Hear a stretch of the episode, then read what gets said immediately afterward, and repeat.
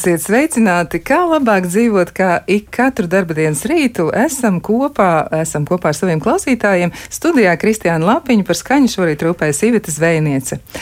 Mēģināsim apspriest, kas tad ir laime. Esam izvēlējušies eh, tematu laime un mentālā veselība, jeb mēģināsim salikt kopā visu to, ko mēs zinām par laimi, kā mēs uz to raugāmies un kā tas varētu ietekmēt mūsu psihoemocionālo stāvokli un arī daudz citas lietas.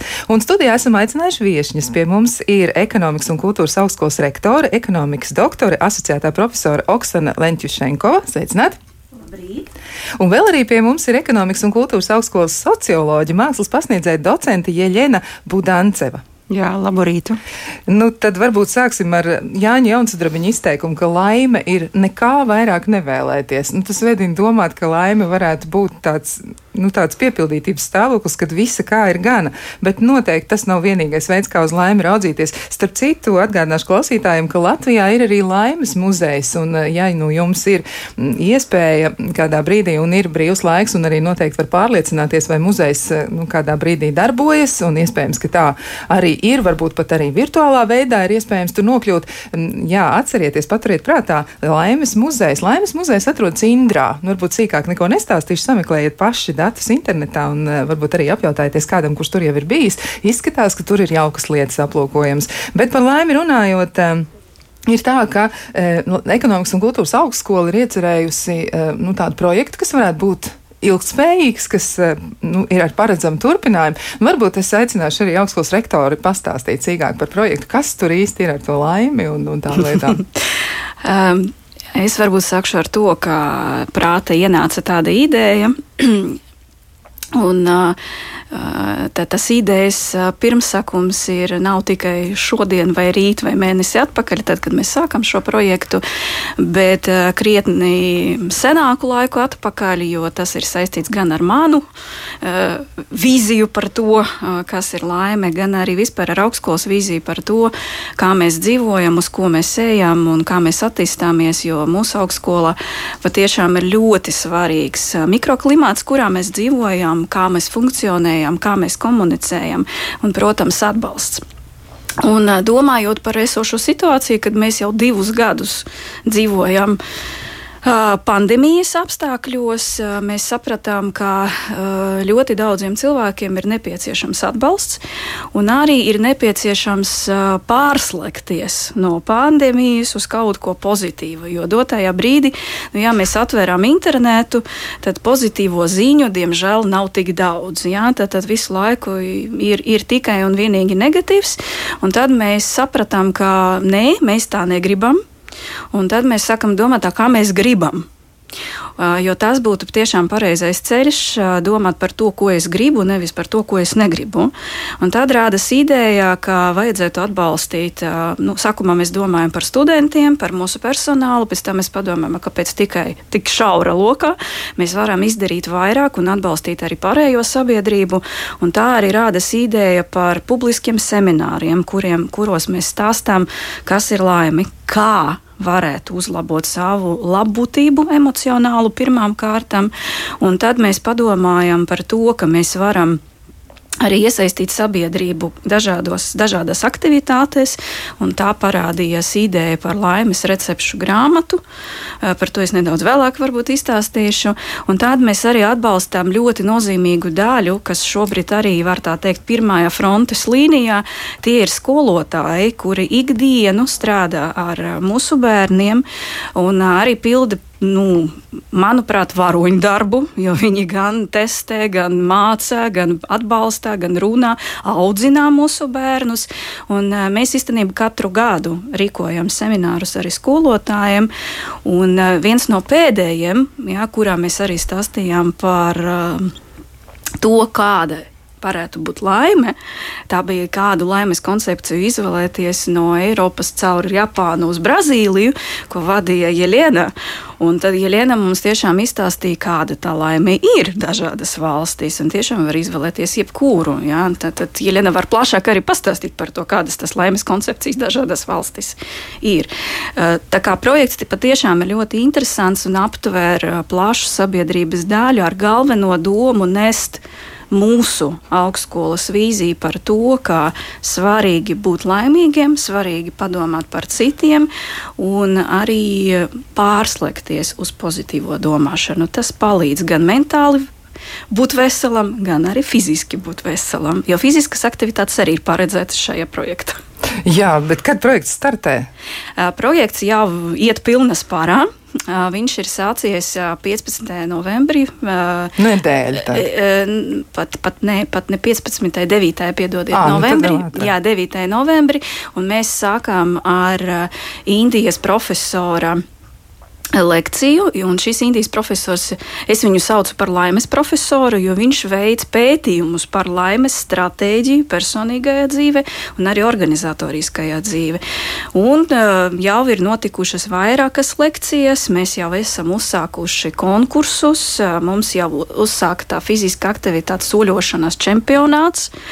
Tā kā aktivitāšu ir ļoti daudz, var sekot līdzi visam aktivitātiem mūsu tīmekļa vietne kur mēs publicējam, ko mēs darām. Tur tiešām ir ļoti, ļoti plaša programma. Varbūt jūs arī to tīmekļa vietnes nosaukumu varat precizēt. Jā, ļoti vienkārši atcerēties, ir ārkārtīgi vienkārši www.augstskola.lv.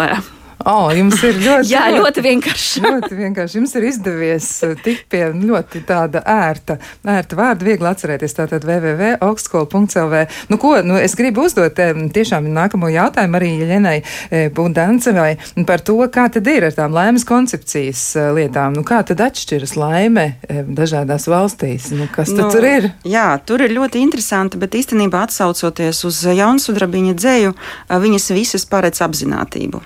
Tad, tad, ja mēs skrējam un nedomājam par to, kas ar mums notiek, mēs diemžēl neesam spējīgi uztvert labas lietas, mēs neesam spējīgi labas lietas apzināties. Un uh, kaut kādā brīdī, uh, aptuveni 2015. gadā, Dānija ieraudzīja sevi vairākos Eiropas Savienības aptaujas visādās, jā, kad viņiem ir ļoti laimīgi cilvēki. Viņi arī nodibināja Laimes pētniecības institūtu. Un sāka pētīt šo lietu ļoti, ļoti dziļi. Tā bija viena no pirmām koncepcijām, kas saucas Huge. Jā, tas ir pat tik tālu, ka mums arī Latvijā ir zvaigzne ABC izdota grāmata, jā, un visiem, kas, kuriem interesē, var aiziet arī uz bibliotēku un palasīt. Tad, tad kustība gandrīz var teikt, ir jā. Jā, nu, tad, tad, tas ir tas pirmais stāsts, un pēc tam arī citas valstis, tā skaita Skandināvu, apzinājās, ka arī viņam ir laimīgi cilvēki pēc aptaujām, jā, un kāpēc tad nepa, nepastrādāt un nepadomāt, kas tad viņiem veido tās laimes koncepcijas. Viņas ir ļoti dažādas.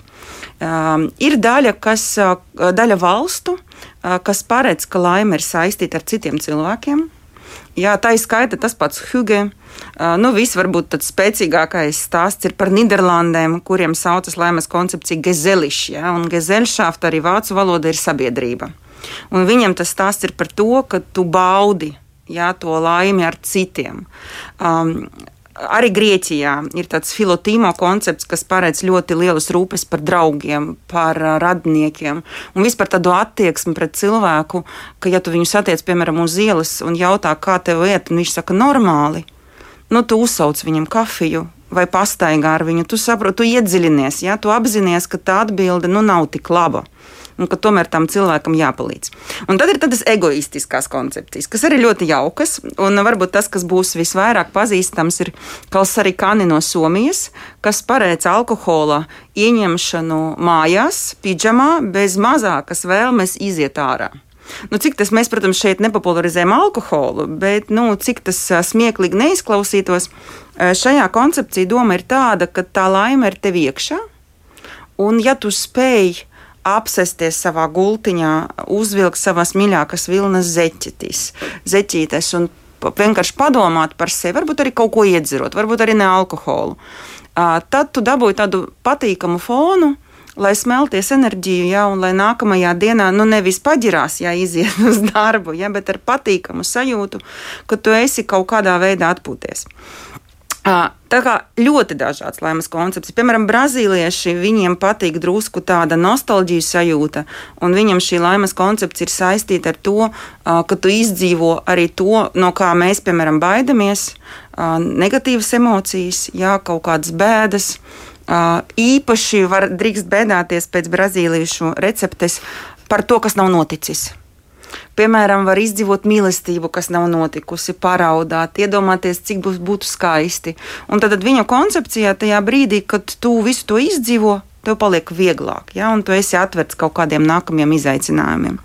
Nu, kā es vienmēr saku, ja nedara pilnīgi nekas, un vairākiem mūsu valsts iedzīvotājiem, varbūt arī pasaules iedzīvotājiem, ir tā sajūta, ka, nu, ko viņi tur stāsta nu, viss jau ir izmēģināts. Ir dzerts vienatnē, ja ar draugiem pastaigāts, ja daba ir kaut kādā veidā baudīta visu gadu.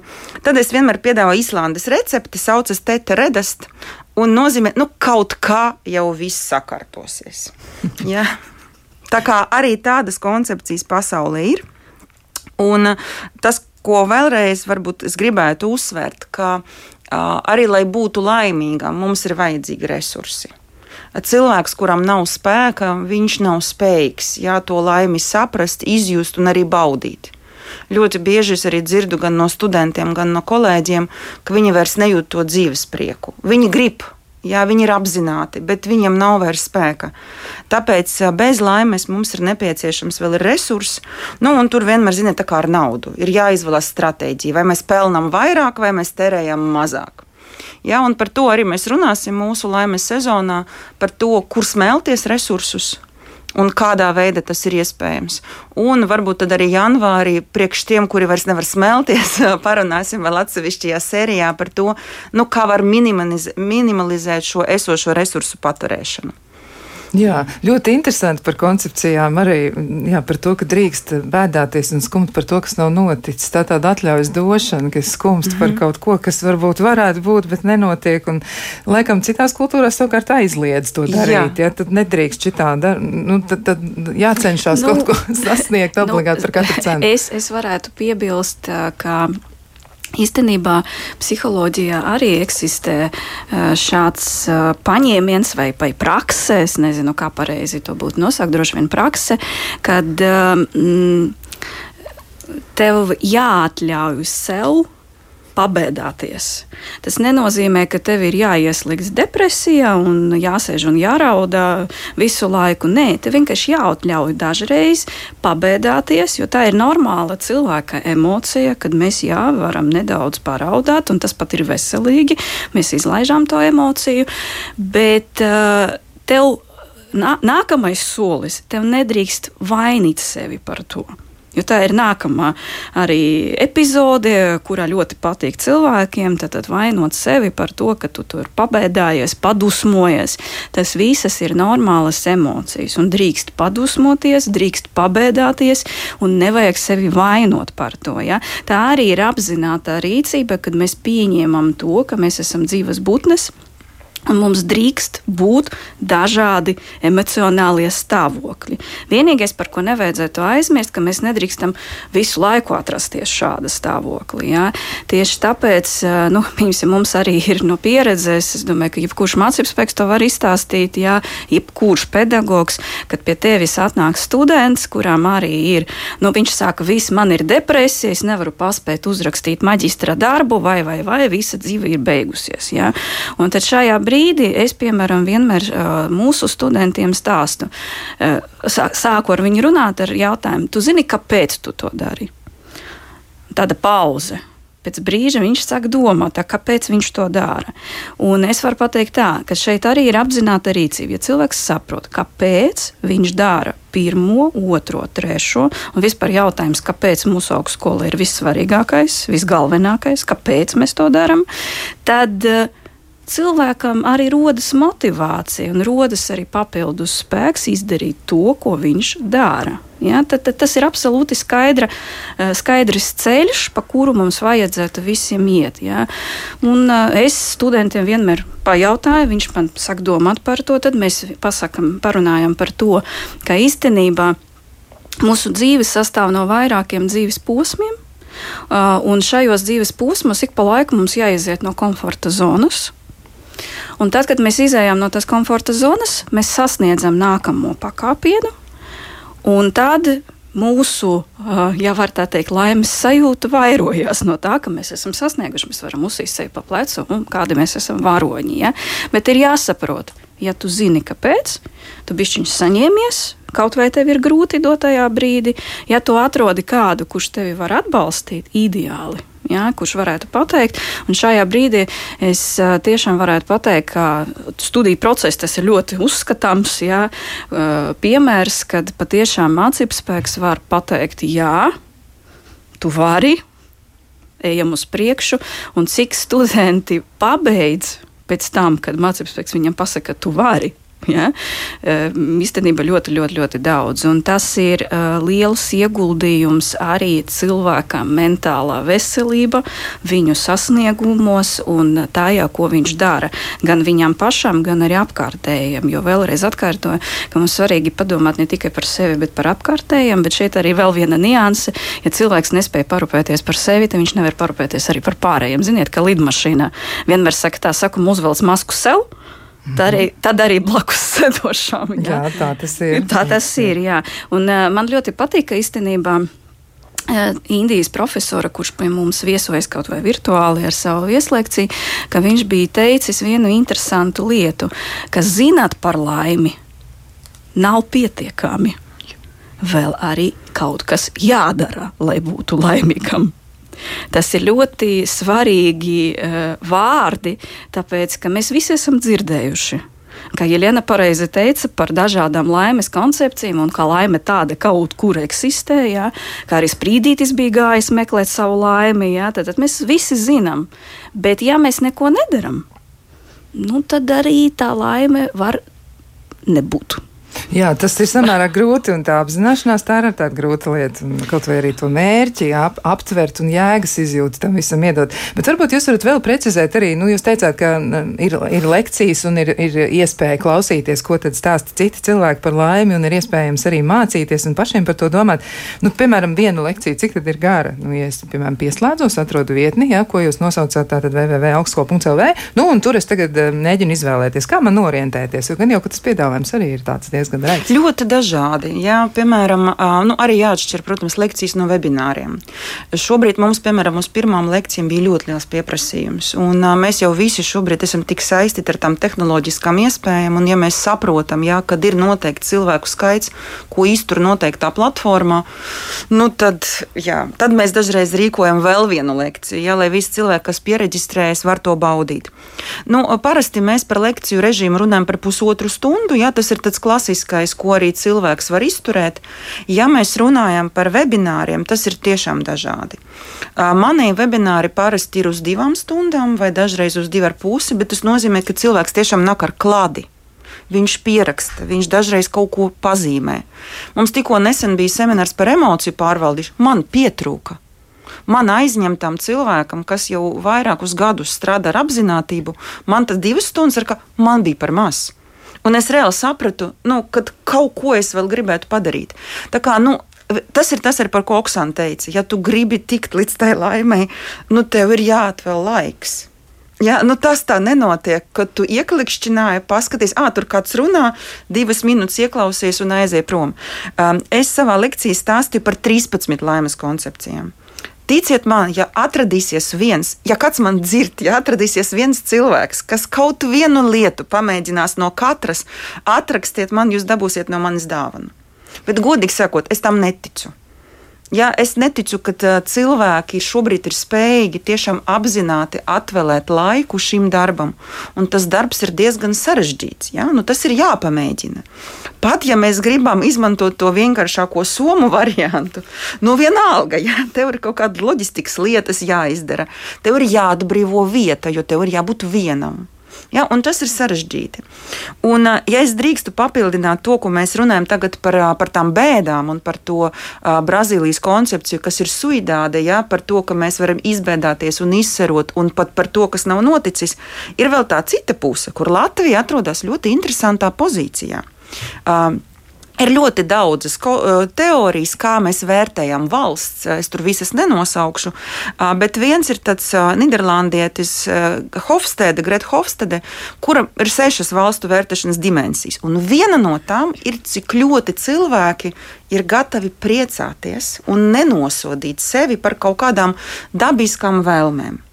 Un jūs neticēsiet, bet Eiropā Latvijā ir vismazākais skaitļu punkts. Mēs ne tikai nevaram izsērot, ja, un tas emocijas negatīvas kaut kādā veidā apspiežam, mēs arī nevaram priecāties. Jo kā tā kā? Nu kā? Nu, taču ne, šādā laikā nu, nevar priecāties. Vai, nu kā, es tagad priecāšos, izterēšanā, visi domās, ka es pārāk daudz tur kaut kā pelnu. Tā nespēja ļauties.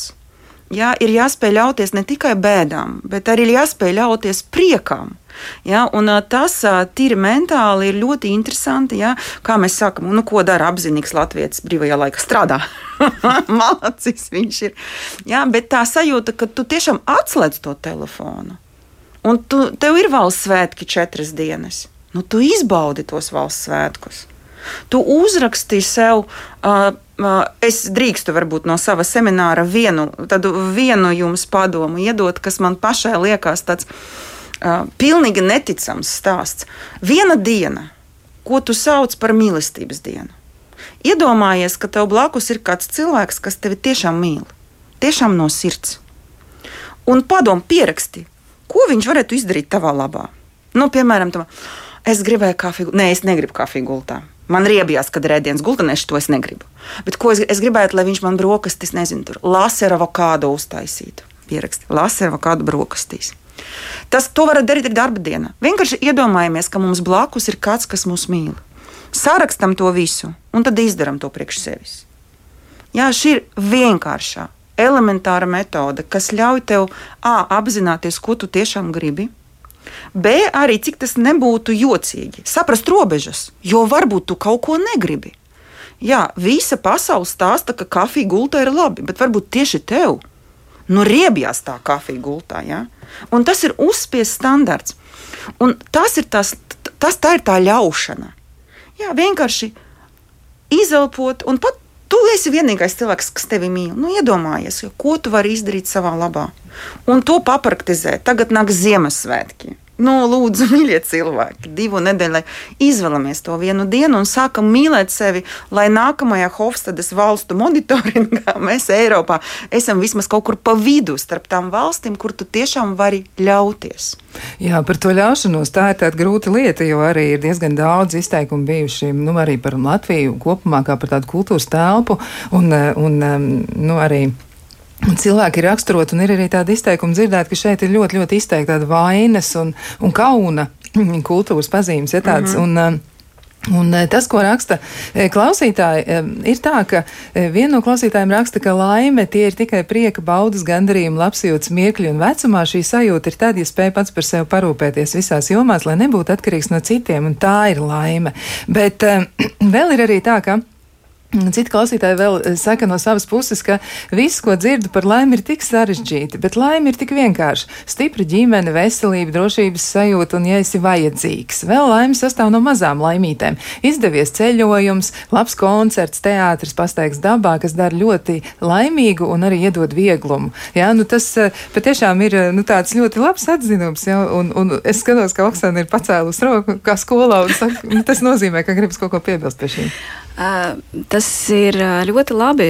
Un es no savas puses varētu pateikt, ka visu, ko raksta klausītāji, ir pilnīgi pareizi. Un šeit mēs nonākam pie vēl, pie vēl vienas aktivitātes mūsu augstskolas laimes sezona, ko es jau biju pieminējusi. Tas ir divi radošie konkursi uzrakstīja savu laimes recepti, un šīs labākās laimes receptes mēs apkoposim laimes recepšu grāmatā, kurā mēs apkoposim, nu, pašlaik mēs domājam par 50 labākām receptēm, bet redzot, cik daudz jau ir iesūtītas šīs receptes, es baidos, ka varbūt nāksies paplašināt grāmatu formātu. Un otrs ir, ja, pieņemsim, jums nepo, nepadodas rakstīšana, tad jūs varat uzzīmēt savu laimi. Un šos labākos zīmējumus mēs apkoposim laimes kalendāra 2023. gadam. Un priekš mums 2023. gads, priekš mūsu augstskolas, ir ļoti zīmīgs, jo mēs svinēsim 25 gadu jubileju. Un, kā es biju minējusi sākumā, ka nu, mūsu augstskola tiešām ļoti rūpējas par mikroklimatu, un mēs vienmēr sakam tā, ka mēs gribētu būt tā kā laimes sala. Jā, it īpaši šobrīd, kurā cilvēks patiešām var atrast to pozitivismu, varbūt atrast savu laimes recepti, atrast atbalstu, motivāciju tam, ko viņš dara, vai tam, ko viņš gribētu izdarīt, bet viņam pietrūks savu iekšējo resursu, un tad mūsu e, mācību spēki nu, spēja motivēt un virzīt viņam kaut kam. Jo pieņemsim pavisam nesen, kad es lasīju kursu mūsu maģistriem. Uh, man studenti beigas rakstīja pateicības vēstules, uh, un tas bija tā pārsteigums priekš manis, jo nu, bieži tas nenotiek, un te ir tik ļoti daudz, ja studenti uzrakstīja pateicības vēstules.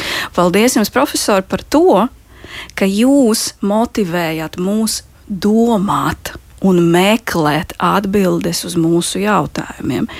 Un tas ir tik fantastiski, tāpēc, ka pēc manām domām, jebkura mācību spēka uh, uzdevums ir rosināt, domāt un meklēt atbildes. Ja?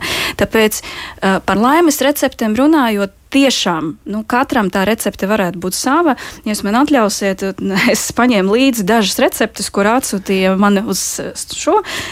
Varbūt šobrīd vienu, un tad Vien, arī vienu, jā, jā, vienu, tieši pēc vienu. noteikti pie, pie, pie receptēm atgriezīsimies. Jā, viena, nu, bet viņa man šausmīgi patika, jo atsūtīja dzintra no Smiltenes 69 gadi. Viņa uzrakstīja šādi: 100 gramu veselības, 100 gramu ģimenes siltumā, 100 gramu miera, 100 gramu cīra svēga gaisa, 100 gramu ves bērnu veselības, 100 gramu darba lauru, 100 gramu kultūras pasākumi, 100 gramu vedra prieku, 100 gramu draugu atbalsta, 100 gramu dejot priekā, lūp, lūk, kopā vesels kilograms lielas laimes mana pura. Nu, manuprāt, fantastiska recepte, Jā, un jā, ir. apvieno pilnīgi visu, ko, Ko mēs darīsim, ko mēs darījām, ko mēs darīsim, un ko, par ko arī raksta klausītāji. Ja? Tiešām vesels kilograms laimes, un ja tā katru dienu iedomājieties, cik priecīgi mēs būsim. Jā, tas gan. Nu, ko par laimi ir daudz ko vēl pateikt, un arī nu, noteikti ir arī tādas praktiskas lietas, ko mēs varam mēģināt arī darīt paši ar sevi, bet par to visu sīkāk mēs turpināsim pēc īsa brīža. Kā labāk dzīvot? Nu, ko turpinām sarunu par laimi, kā kļūt laimīgam un kā nodrošināt to, lai gan e, psihiskā, gan arī fiziskā veselība ir labā kārtībā un lai tiešām mēs jūtamies labi. Un arī atgādināšu, kas e, ir pie mums e, ciemos. Pie mums ir ekonomikas un kultūras augstskolas rektora, ekonomikas doktora asociētā profesora Oksana Leņķušenkova un arī ekonomikas un kultūras augstskolas socioloģija mākslas pasniedzēja docente Ieļena Budanceva. Nu, lūk, klausītājiem ir ļoti, ļoti daudzas e, domas par šo te visu, un ir tā, ka. Un ir arī tāds nu, viens komentārs, kas, manuprāt, savā ziņā nu, noteikti arī nu, tas ir ļoti precīzi par to, ko pats klausītājs domā, bet varbūt tur vēl kaut ko par to var pateikt. Un tas, ko viņš raksta, nu, skaidri un gaiši ja, e, par šo tēmu runājot, tukša muldēšana, laika tērēšana. Nu, kā varētu šo attieksmi e, mēģināt arī komentēt, tomēr, un ko jūs parāt, par to varētu pateikt? Jo man liekas, ka tā domā diezgan daudz cilvēku, un tur zināmā mērā varētu slēpties problēma. Jā, nu, pirmkārt, ja es drīkstu pakomentēt, kā sociologs, jūs jau pateicat viņš. Nu, vai, nu, viņš, jā, nu, šai gadījumā es nodevu klausītāju, Jā, jo tas, bet, viņš tas arī ir īstenībā ļoti tipiski, ka ļoti bieži šāda attieksme ir tieši vīriešiem. Jā, un kā tas Vīriešiem, jā, kas uh, pelna naudu, kas pēc būtības nav tik ļoti jūtīgs kā sieviete, kurš no bērnu dārza ir pieradināts, ka viņš nedrīkst raudāt, ka to drīkst tikai meitenes. Jā, es vispār vienmēr stāstu par tām stratēģijām. Jā, kad bērnu dārza, ja meitene iesit puisi, tad viņi sāk raudāt un visi viņu žēlo.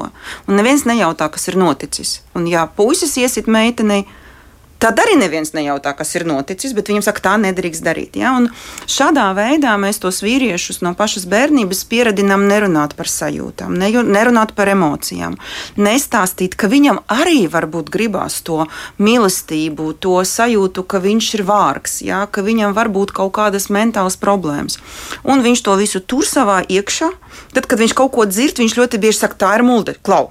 Tu tā, tā tagad tiešām ir mūldēšana. Ja tas mums neko nedod, tas nav efektīvi. Un tad viņš skrien tālāk. Un, ja mēs skatāmies arī pēc um, kaut kādas medicīnas socioloģijas, mēs redzam arī, ka ļoti bieži ja, tie infarkti un insulti ir tieši vīriešiem. Ja, viņi skrien, skrien un, diemžēl, ļoti bieži noskrienās.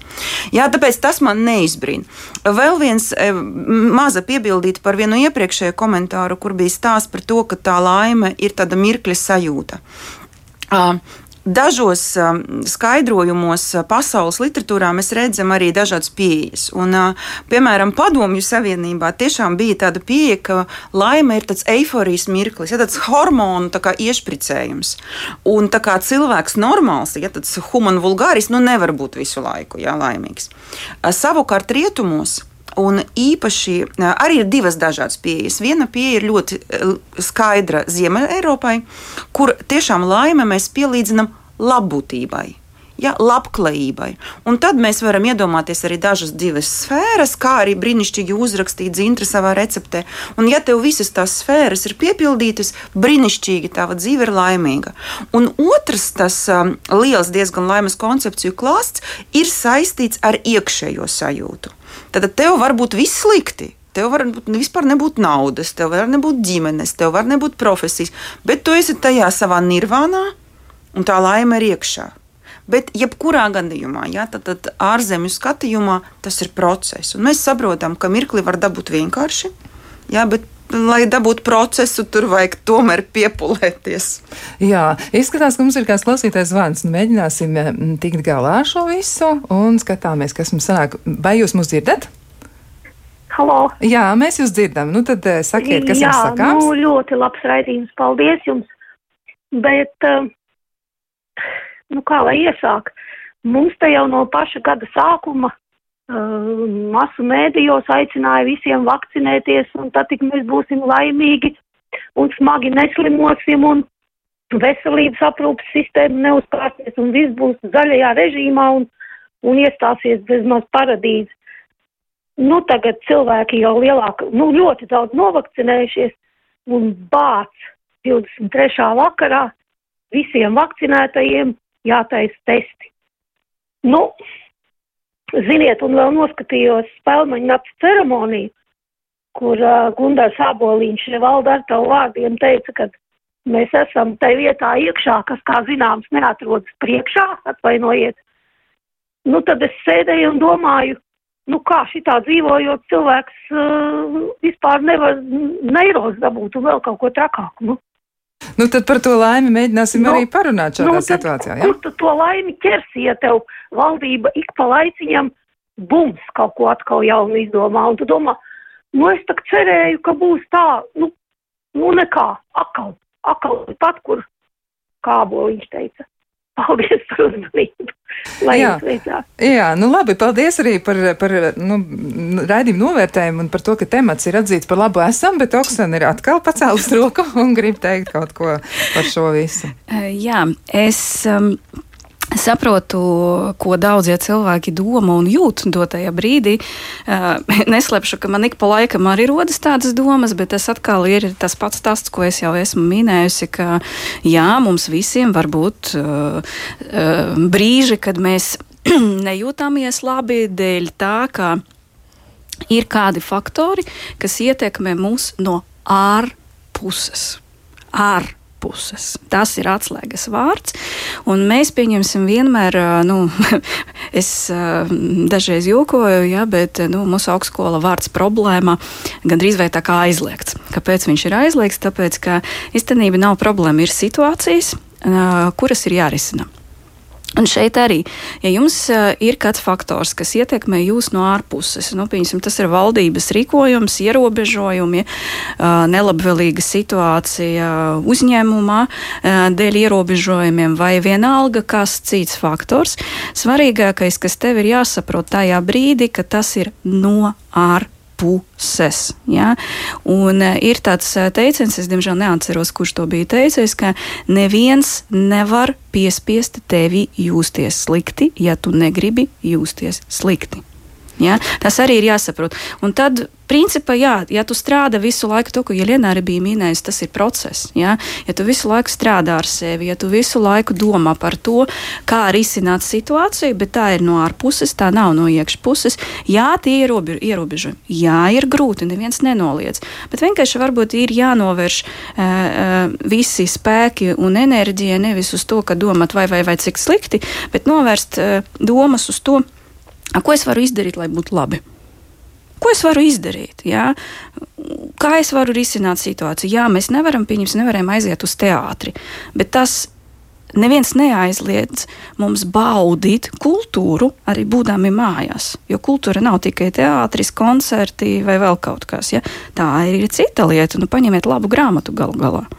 Jā, vai arī noskatieties teātris izrādi, kur var atrast arī nu, virtuālajā vidē. Tā, tā arī tā var darīt, jā, bet pieņemsim, es uzskatu, ka arī var grāmatu paņemt, jā, un kino noskatīties, un muziku paklausīties, un tā arī ir kultūra, kura ļoti labi uzlabo mūsu mentālo e, veselību un labbūtību, par ko arī mēs šeit runājam. Man liekas, te ir vēl viena lieta arī par to, ka varbūt daži cilvēki domā par to, ka viņiem ir nu, tā laime iespējamāk tad, ja kāds par viņiem mm -hmm. rūpējas vai kāds viņus izklaidē. Tas iekšējais darbs vai paša darbs, tas tiek novērtēts vai arī nu, pārāk zemu, vai arī no tā cilvēks atsakās. Bet ir ļoti, ļoti daudz komentāru arī par to, nu, par to uh, laimīgumu, ja, kā var izskaidrot, ka līdz ar dāņiem Eiropā, Āzijā savukārt laimīgākie ir nepālieši. Butāna, jā, Butānā, piemēram, ir pat laimes ministrija. Tāpēc es teicu, ka ir dažādi indikātori. Ja? Tad, tad Eiropā mēs mēram labklājību kā tādu, kur ietilpst arī drošība Jā, tad, tad cilvēki ir droši dzīvojot savā valstī, kur ietilpst arī, piemēram, laba medicīnas sistēma. Jā. Toties Āzijā ļoti vēsturiski jā, šī koncepcija ir pilnīgi savādāka. Nu, viņi ne uz ko nevar paļauties. Jā. Un tāpēc viņi varbūt arī neceptos par tādiem covid ierobežojumiem, jo viņiem tāpat ir slikti nu, no mūsu skatu punkta. Viņi nedzīvo labi. Ja? Tur ir ļoti daudz problēmu. Cilvēki dzīvo nabadzībā, ja? ir ļoti augsta bērnu mirstība. Viņi nodarbojas ar kaut ko citu. Uh, bet tas, ko es vēl gribētu pateikt. Um, uh, Divi jautājumi ir īstenībā jāpaldies arī par zvanu. Viens jautājums šajā ir, kāpēc mēs esam joprojām nelaimīgi ar to covid un kāpēc tas covid tik ļoti a, paaugstināja mūsu nelaimes pakāpi, neskatoties uz to, ka mums ir daba, mēs varam joprojām staigāt un valsts atbalstīja vairāk vai mazāk arī uzņēmumus un cilvēkus. Mums ir jāsaprot, jā, ka mēs tiešām esam pieraduši, ka kāds par mums parūpēsies. Ja, un mēs maksājam nodokļus, un mēs sagaidām par to kaut kādu pakalpojumu. Bet nu, īstā laime, un tā būs tā Azijas, tās Butānas un Nepāla, Viņiem tā laime ir iekšpusē, un viņus ļoti grūti iztraucēt par tādi gadījumi kā nāve. Viņi tiek uztvērti savādāk. Jā, piemēram, ir viena tibetiešu praksa, kur cilvēki gatavojas nāvei. Jā, un jau dzīvojot, gatavojas pēc viņu ticības tam, kas tev jādara, lai tur tajā nāves aspektā, lai tu ne, neatkristu atpakaļ. Ļoti interesanti stāsti. Tas ir tas viens punkts. Mums jāsaprot, ka, protams, mēs kā cilvēki, tas ir ļoti normāli, ka mums tagad vēl vienā tādā nākamajā posmā atkal viss besī ārā jo mēs tiešām neesam spējīgi izturēt stresu pārāk ilgi. Ja? Un pārāk ilgi izturēt pārmaiņas, īpaši tie cilvēki, kas dažādu iemeslu dēļ ir pieraduši paļauties uz to, ka viņu laime ir atkarīga no citiem.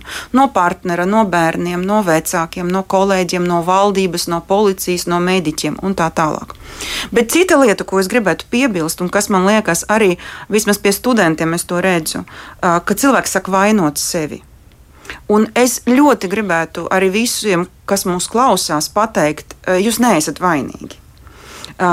Es esmu 11 gadus mācījusies augstskolās, un vēl 10 skolā. Un aptuveni no tā visa laika man bija divi mēneši Vācijā, manā augstskolā, kur mēs mācījāmies, kā tikt galā ar stresiem. Tad, kad es, es nekad mūžam neaizmirsīšu, ka man piedzima bērns un man izrakstīja no dzemdībnām, es teicu, kā? Tagad viss, saku, uz redzēšanos.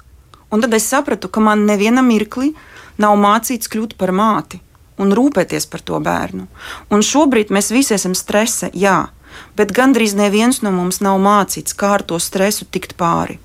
Jā, tās prakses, par kurām mēs tagad ieminējamies.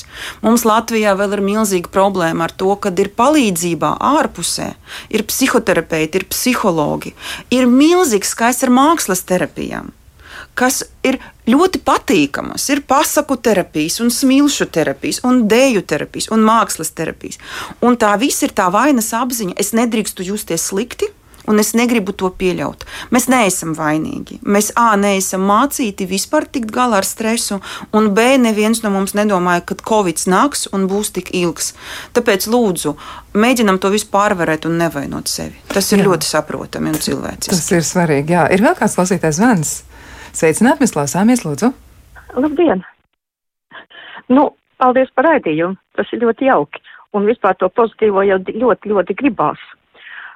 Bet es gribēju vienkārši, man ienāca atmiņā kaut kad, kad Čehova bija vesela lapusīte ar vēlējumiem, kā justies laimīgam, un viens no tiem bija tāds, diezgan tāds, nu, es uh, īsti labi neatceros, kā krievisku grūti tulkot, bet если тебе изменяет жена, скажите, скажи спасибо, что она не изменяет родине starp tiem visiem. Nu, vienkārši man ienāca prātā un gribējās to jums pateikt pie visa. Tur bija ļoti labi tie teicieni. Paldies, jā, nu arī, arī tāda jauka nots. Paldies jums liels. Patiešām arī tas mums noteikti nodara šajā brīdī, nu mazliet vairāk eh, prieka, kas nāk arī, nu, caur tādiem, varbūt, nu, tādiem tiešām, nu, ar zemtekstu, ja tas mm. izteikums, tas nu skaidrs ir. Bet eh, klausītājiem arī ļoti, ļoti daudz dažādu, dažādu secinājumu, arī eh, komentāru, un arī vienlaiks viņi varbūt mēģina, nu, kaut kā aktualizēt savus, savas grūtības, ja, jo, um, nu, raksta klausītāji arī tā, ka man laimēji traucē kaut kāds UDHS, jeb uzmanības eh, deficīts -huh. ja, un hiperaktivitātes sindroms, kā viņi to pat ir nosaukusi. Nu, visticamāk, varbūt, tas gluži, nu, es, es ceru, varbūt arī, ka ir, ja, bet es ceru, ka varbūt tas nav tāds īsts, nav, nav, nav klīniski diagnoz, bet tomēr, ja, cilvēks saka tā, ka, nu, nespēja pilnvērtīgi strādāt, jo domas aizņem cita pienākuma, pēc tam atpūsties, eh, tas ir grūti, ja, jo domāju par nepadarīto darbu, kopumā ar dzīvi esmu apmierināta, man nekā netrūkst, izņemot spēku plānot, kontrolēt, nepadoties slinkumam. Un šķiet, ka man vajag vagaru, tad es varu gāzt kalnus, bet ja man dod brīvības, nemāk to izmantot. Nu, kā, tad, kā tad ar to tik galā? Cilvēks tiešām ir ar milzīgu potenciālu un resursu kļūt laimīgam, bet nu, nevar. Nu, nevar nu, es varu pateikt eh, šī, šim klausītājam, ka pirmais solis jau ir spērts. Cilvēks saprot, kā viņam trūkst. Tas ir ļoti, ļoti svarīgi. Un eh, šeit es varu arī minēt vienu piemēru.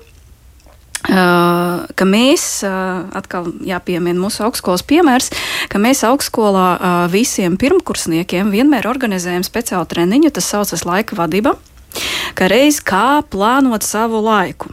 Un viens, viena no praksēm, ko mēs um, Rekomendējam izmantot visiem uh, studentiem, un es varu to ieteikt arī izmēģināt mūsu klausītājiem. Tas palīdz, es pēc savas pieredzes varu pateikt, ka tas palīdz. Tas ir tāds, ka tu tiešām ieplāno laiku uh, tam sociālām lomām, kas tev jāpilda ikdiena.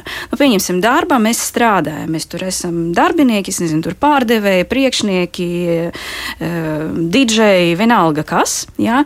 Uh, atnākot mājās, mums ir jāpilda citi sociāli loma māte, nu, ja es par sevi runāju, sieva, ja, un, un, un dažreiz arī, nu, tad, kad es studēju doktorantūru, rakstīju disertāciju, tad students. Un tad šeit arī svarīgi izplānot savu laiku, ka tev ir jāsaprot, tagad man ir jābūt mammai, tad man ir jāvelta uzmanība savam bērnam, jāspēlēs, un man nav jājūt sirdsapziņas pārmetumi, ka es to veselu stundu spēlējos ar bērnu. Šīs laiks ir priekš bērna.